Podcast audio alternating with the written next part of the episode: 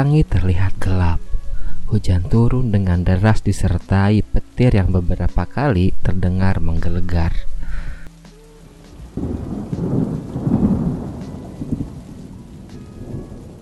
Sedang April tampak duduk di meja kerjanya, sembari memandang ke balik jendela, memperhatikan tetesan demi tetesan air yang jatuh di seberang sana. Sendu menyelusup di balik dinginnya AC yang berhembus. Galau menyelinap dan hinggap di dalam diri April pada sore itu. Semua itu terjadi bukan karena kondisi fisiknya yang baru sembuh dari demam yang ia alami beberapa hari yang lalu. Ini semua terjadi karena sebuah email yang datang dari atasannya yang ia terima siang hari tadi.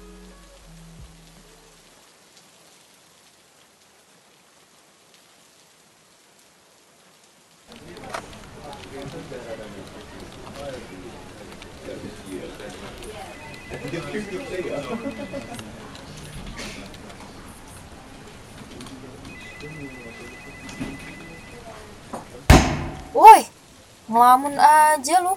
Awas kesambut loh. Luna tiba-tiba datang sambil menggebrak meja lalu membentak April. Alhasil, April pun terkejut dengan hal yang dilakukan oleh Luna yang meja kerjanya berseberangan dari dirinya. Asem lu, gak ada kerjaan banget sih ngagetin gue. Kalau nyetong gue copot gimana coba? Balas April masam. Pipi bulatnya kini terlihat sangat menggemaskan. Habisnya lu udah ngelamun kayak gitu udah hampir sejam tau nggak? Lu hobi ngelamun apa gimana sih? Gue takut aja kalau lu tiba-tiba kesurupan. Ih. Eh, kagak lah. Manusia bangsa mana yang hobinya ngelamun, Rojali? Anjrit, jangan sebut nama pak gue dong. sorry, sorry. Gue maafin lu kalau nanti lu traktir gue sebelum lu pindah kerja, April. April terdiam sesaat. Ia hanya tak menyangka jika kini ia akan meninggalkan kantor yang sudah ditempatinya selama dua tahun ini. Tadi siang, ia menerima sebuah email dari atasannya yang berisi tentang perihal pemindahan tempat kerja. April dimutasi ke sebuah daerah di timur Indonesia. Nih ya, gue bingung deh sama Pak Reza. Kenapa coba bisa-bisanya mindahin pegawai di masa-masa pandemi kayak gini? Kerjaan lu udah kayak netizen aja sih. Ngeluh terus. Kudunya kita lebih bersyukur dong. Masih bisa kerja, Mali. Cie, iya bersyukur. Lu mah enak. Mutasi dengan jaminan naik jabatan. Lah gue. April hanya nyengir seperti meledek Luna yang sedang tampak kesal karena di dalam dirinya Luna belum bisa menerima kenyataan bahwa ia akan kehilangan sahabatnya selama dua tahun belakangan ini. Hmm, terus lu sama Juni LDR dong Pril. Bibir bagian bawah April maju sedikit sambil mengangkat kedua bahunya. Sebuah gestur yang memperlihatkan akan ketidakyakinan yang berada di dalam dirinya. Cukup tau lah ya.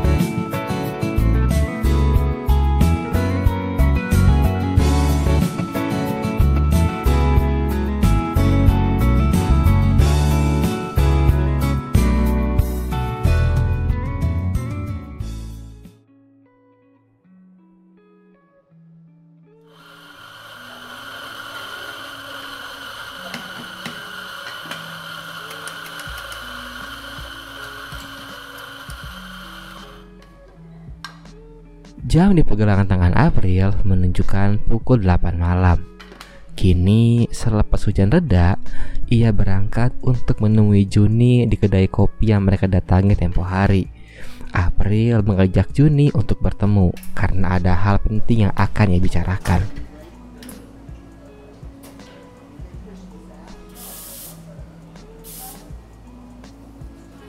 Suasana di kedai pada malam itu cukup ramai terlebih selepas hujan reda. Menghangatkan diri dengan secangkir kopi panas adalah pilihan yang tepat. Dua bola mata April yang berwarna coklat mendapati Juni yang sudah terlebih dahulu datang di sana, di sudut kedai yang menjadi spot favorit bagi Juni. Dengan diselimuti rasa gusar, April melangkahkan kakinya mendekati Juni yang kini tengah tersenyum lebar melihat kedatangannya. April datang dengan niatan untuk memberikan jawaban atas pernyataan yang Juni sempat utarakan minggu lalu saat mereka mengunjungi kedai ini. Iya, tentang perasaan Juni. Dan akhirnya, setelah berpikir secara matang, April kini sudah mantap dengan jawabannya. Sebetulnya bisa saja ia hanya mengirimkan sebuah pesan singkat. Akan tetapi rasanya akan lebih nyaman jika mereka saling bertemu dan saling berbincang langsung. Jun, sebenarnya gue berat mau ngomong ini sama lo. Loh, kenapa? Slow aja kali. Gak apa-apa. Ngomongnya tinggal ngomong aja. Jawab Juni dengan enteng. April terdiam sesaat. Sorry Jun, gue gue belum bisa membalas perasaan yang lo rasain ke gue.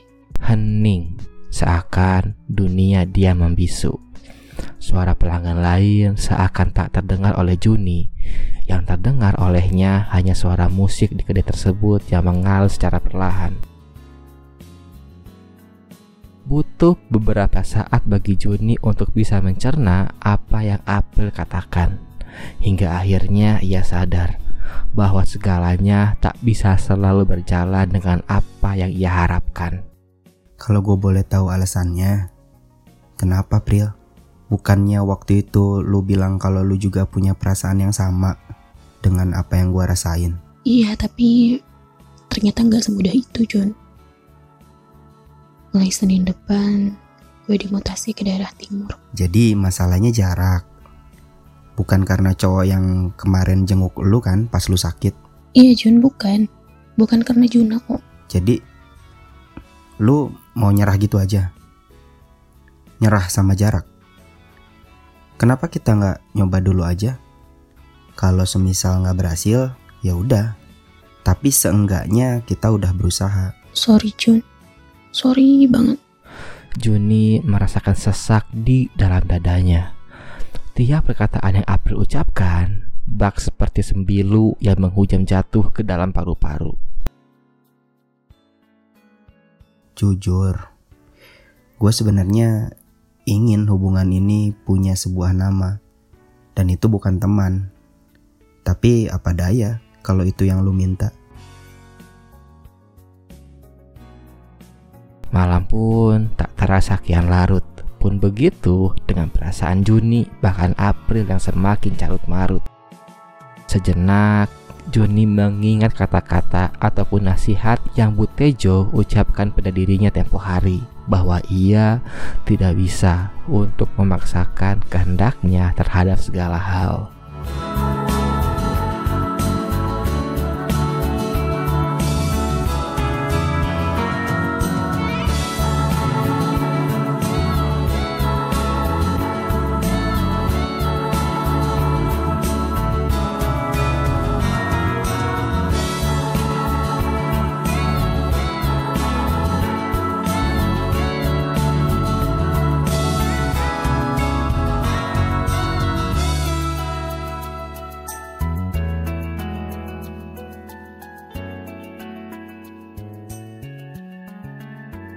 Sebelum kita lanjutkan ceritanya, mari kita mundur beberapa hari ke belakang. Tepatnya setelah Juni mengantarkan April pulang dari date pertama mereka.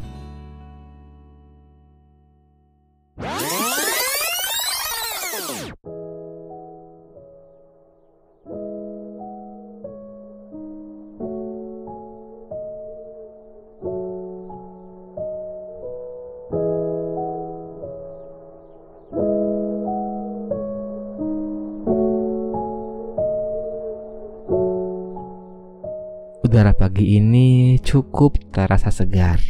Jalanan nampak masih basah oleh bekas hujan yang baru saja reda dini hari tadi. Burung-burung tampak bersenandung riang gembira di dahan pohon yang bersebelahan dengan kamar April. Menurut ramalan cuaca, hari Sabtu ini akan cerah sepanjang hari dengan suhu sekitar 26,5 derajat Celcius dengan persentase hujan hanya sekitar 30%.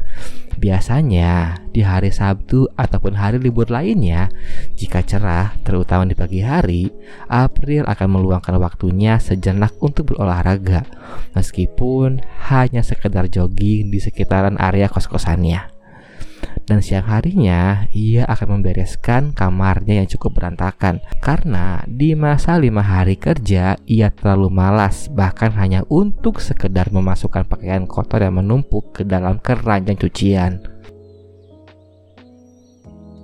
Tapi pagi ini cukup berbeda April belum menggunakan tracksuit yang berwarna hitam yang kerap kali ia gunakan untuk workout.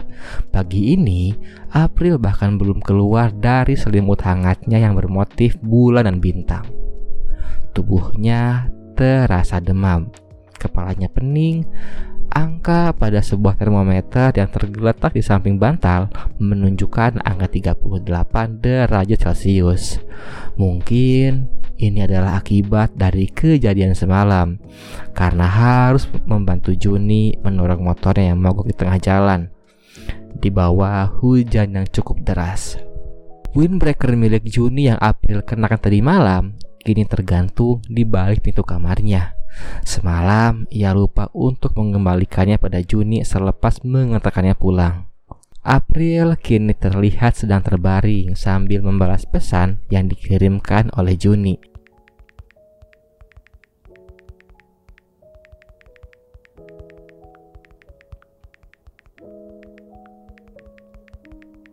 Lantas ia dikejutkan oleh sebuah dering telepon.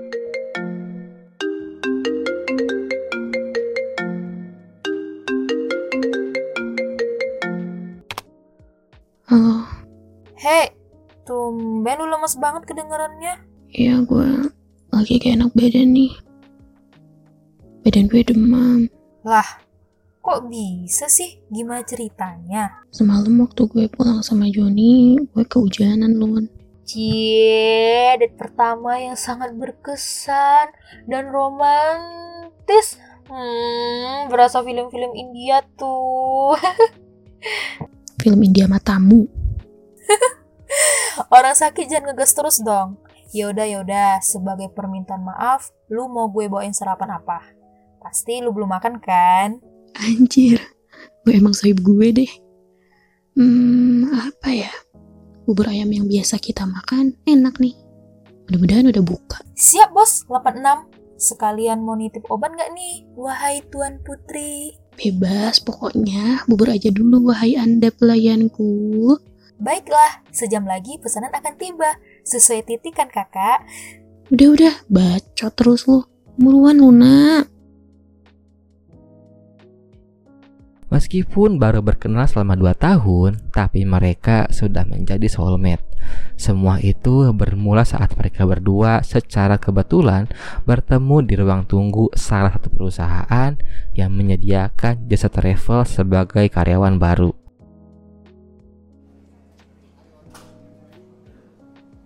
Motor metik yang Luna kendarai kini sudah berada di depan ruko penjual bubur yang menjadi langganan mereka selepas berolahraga bersama. Ketika sedang memesan, Luna dikejutkan dengan tepukan di pundaknya. Luna?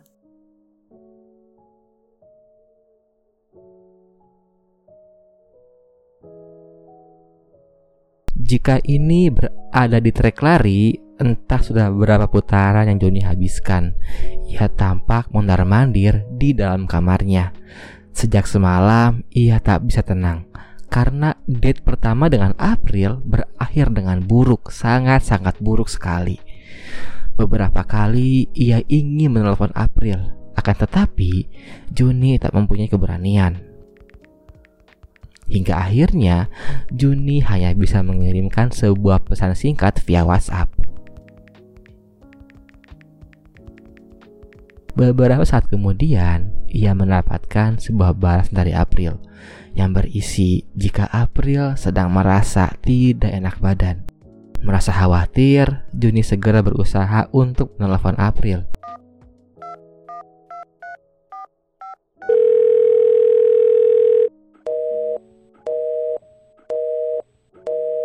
Akan tetapi, nomor April ternyata sedang sibuk ataupun sedang menerima panggilan lain. Dia gelayut rasa bersalah, Juni segera keluar dari kamarnya.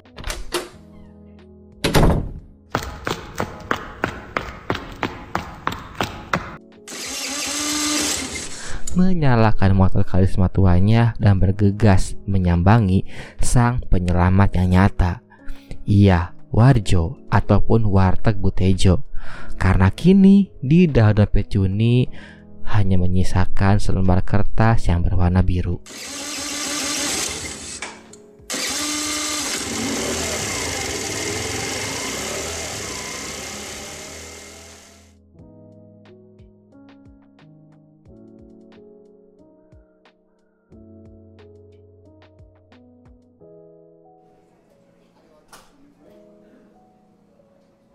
Dengan tergesa, Juni masuk ke dalam warteg di mana Butejo masih saja menonton serial azab kesayangannya.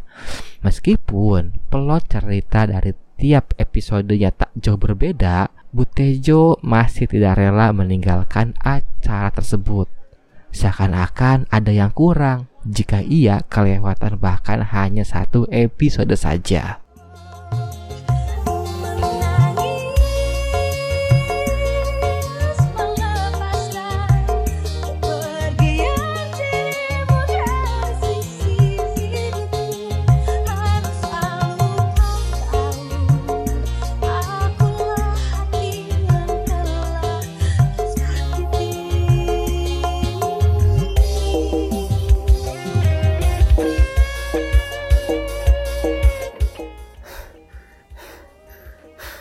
Bu, Bu Tejo, tumbas dong, dibungkus. Eh, Najuni. Sik. Awakmu kenapa? Kok kelihatannya kok gusar, ora tenang? Kenapa? Tanya Butejo. Seakan ia sudah bisa membaca perasaan Juni hanya dengan melihat raut wajah Juni yang sangat tidak tenang. Biasanya di film azab jika ada scene seperti ini berarti ada sesuatu yang gawat yang sedang terjadi. Iya nih bu, teman saya ada yang lagi sakit. Lah si Agus kenapa? Bukan, bukan si Agus bu, bukan. Oh alah, berarti cewek yang kemarin si Agus ceritain itu toh. Iya. Sakit apa dia? Demam bu, ini saya mau bawain dia sarapan. Nasi kuning sama ayam kecapnya udah ada belum bu? Oh lah wong edian no iki. Wong sakit kok mah dikasih ayam kecap. Cah gendeng. Itu kan favorit saya bu, enak. Wes, ini aja tak bungkusin sayur aja ya. Ucap Butejo sembari membungkuskan sayur sop lengkap dengan nasi yang terpisah. Kamu itu loh harusnya tuh bisa ngertiin keadaan orang lain. Kalau ada yang emang nggak sesuai dengan apa yang kamu harapkan, lah boy sudah toh. Legowo aja, jangan jadi seorang yang egois. Rapi. Setelah memberikan nasihat kepada Juni, Butejo lantas memberikan plastik yang berisi pesanan Juni tadi. iya bu, makasih ya bu. Juni menggaruk-garuk kepalanya meskipun tidak terasa gatal. Loh heh, duitnya mana? Ngutang dulu ya bu. Oh tamu ki masuk oke lho Jun. Weh, lah gue ki kolak nganggo duit ora nganggo abab. Celelekan. Iki aku ngomong tenanan ora sing sut. Iya bu, nanti kalau udah gajian tak bayar bu. Ya wis lah, rapopo yo yo. Jawab Butejo. Eh yo Jun, tadi itu toh di TV aku tuh nonton ada orang yang suka ngutang loh Jun eh kamu nggak takut apa kalau tiba-tiba di tengah jalan kenapa-napa iya metami jebeng bayi lo ya kamu kan belum nikah lah kok naik kenapa-napa terus yang bayarin utang-utangmu tuh siapa Hah? Aku nggak tanggung jawab lo ya kalau ada apa-apa lo ya. Sindir Bu Tejo. Terpaksa, Juni mengeluarkan selembar uang pecahan 50 ribu dari dalam dompetnya. Duh, niatnya mau ngirit malah tekor.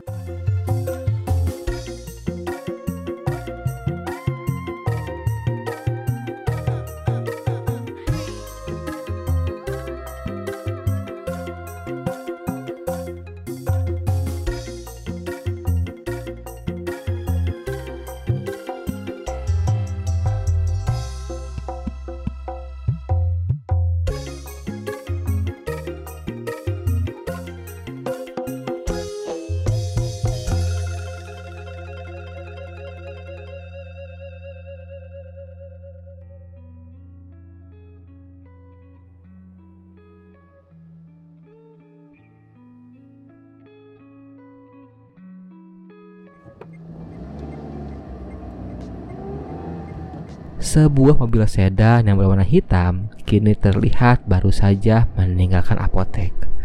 Di dalam mobil tersebut, Juna tengah bersama Luna yang tak sengaja bertemu di penjual bubur tadi. Mereka berdua kini tengah bersama menuju kosan April. Sedang motor yang tadi Luna kendarai dititipkan di penjual bubur.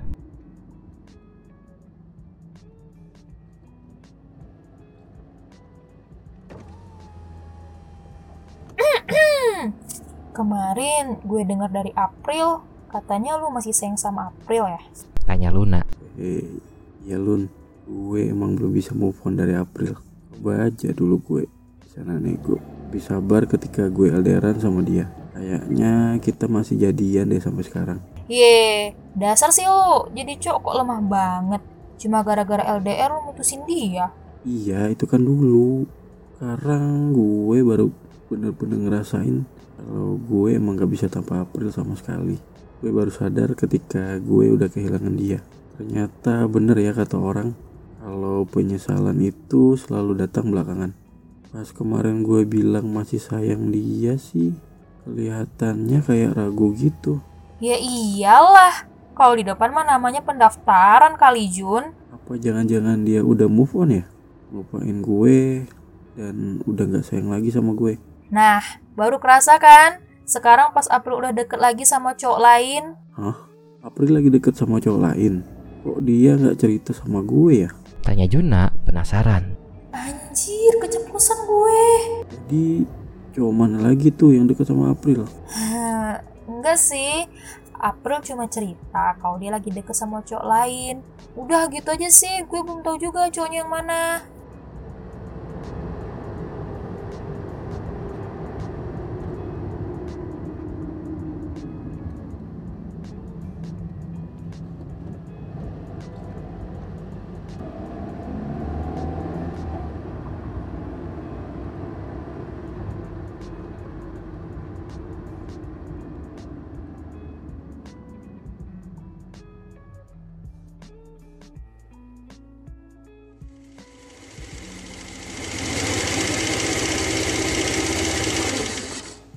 Motor karisma tua milik Juni kini berhenti tepat di depan kos-kosannya April.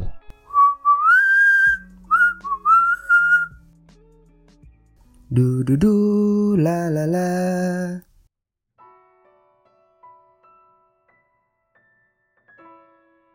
Juni berjalan dengan riang gembira. Ekspektasi di dalam pikirannya, ia akan memberikan sebuah kejutan kepada April. Dan April pun akan merasa senang dengan buah tangan yang dibawanya. Akan tetapi, ternyata ekspektasi tidak selalu sejalan dengan realita. Tepat saat Juni berada di depan pintu kamarnya April, malah dirinya lah yang dibuat terkejut karena ia melihat seorang pria yang tengah berada di dalam kamar April.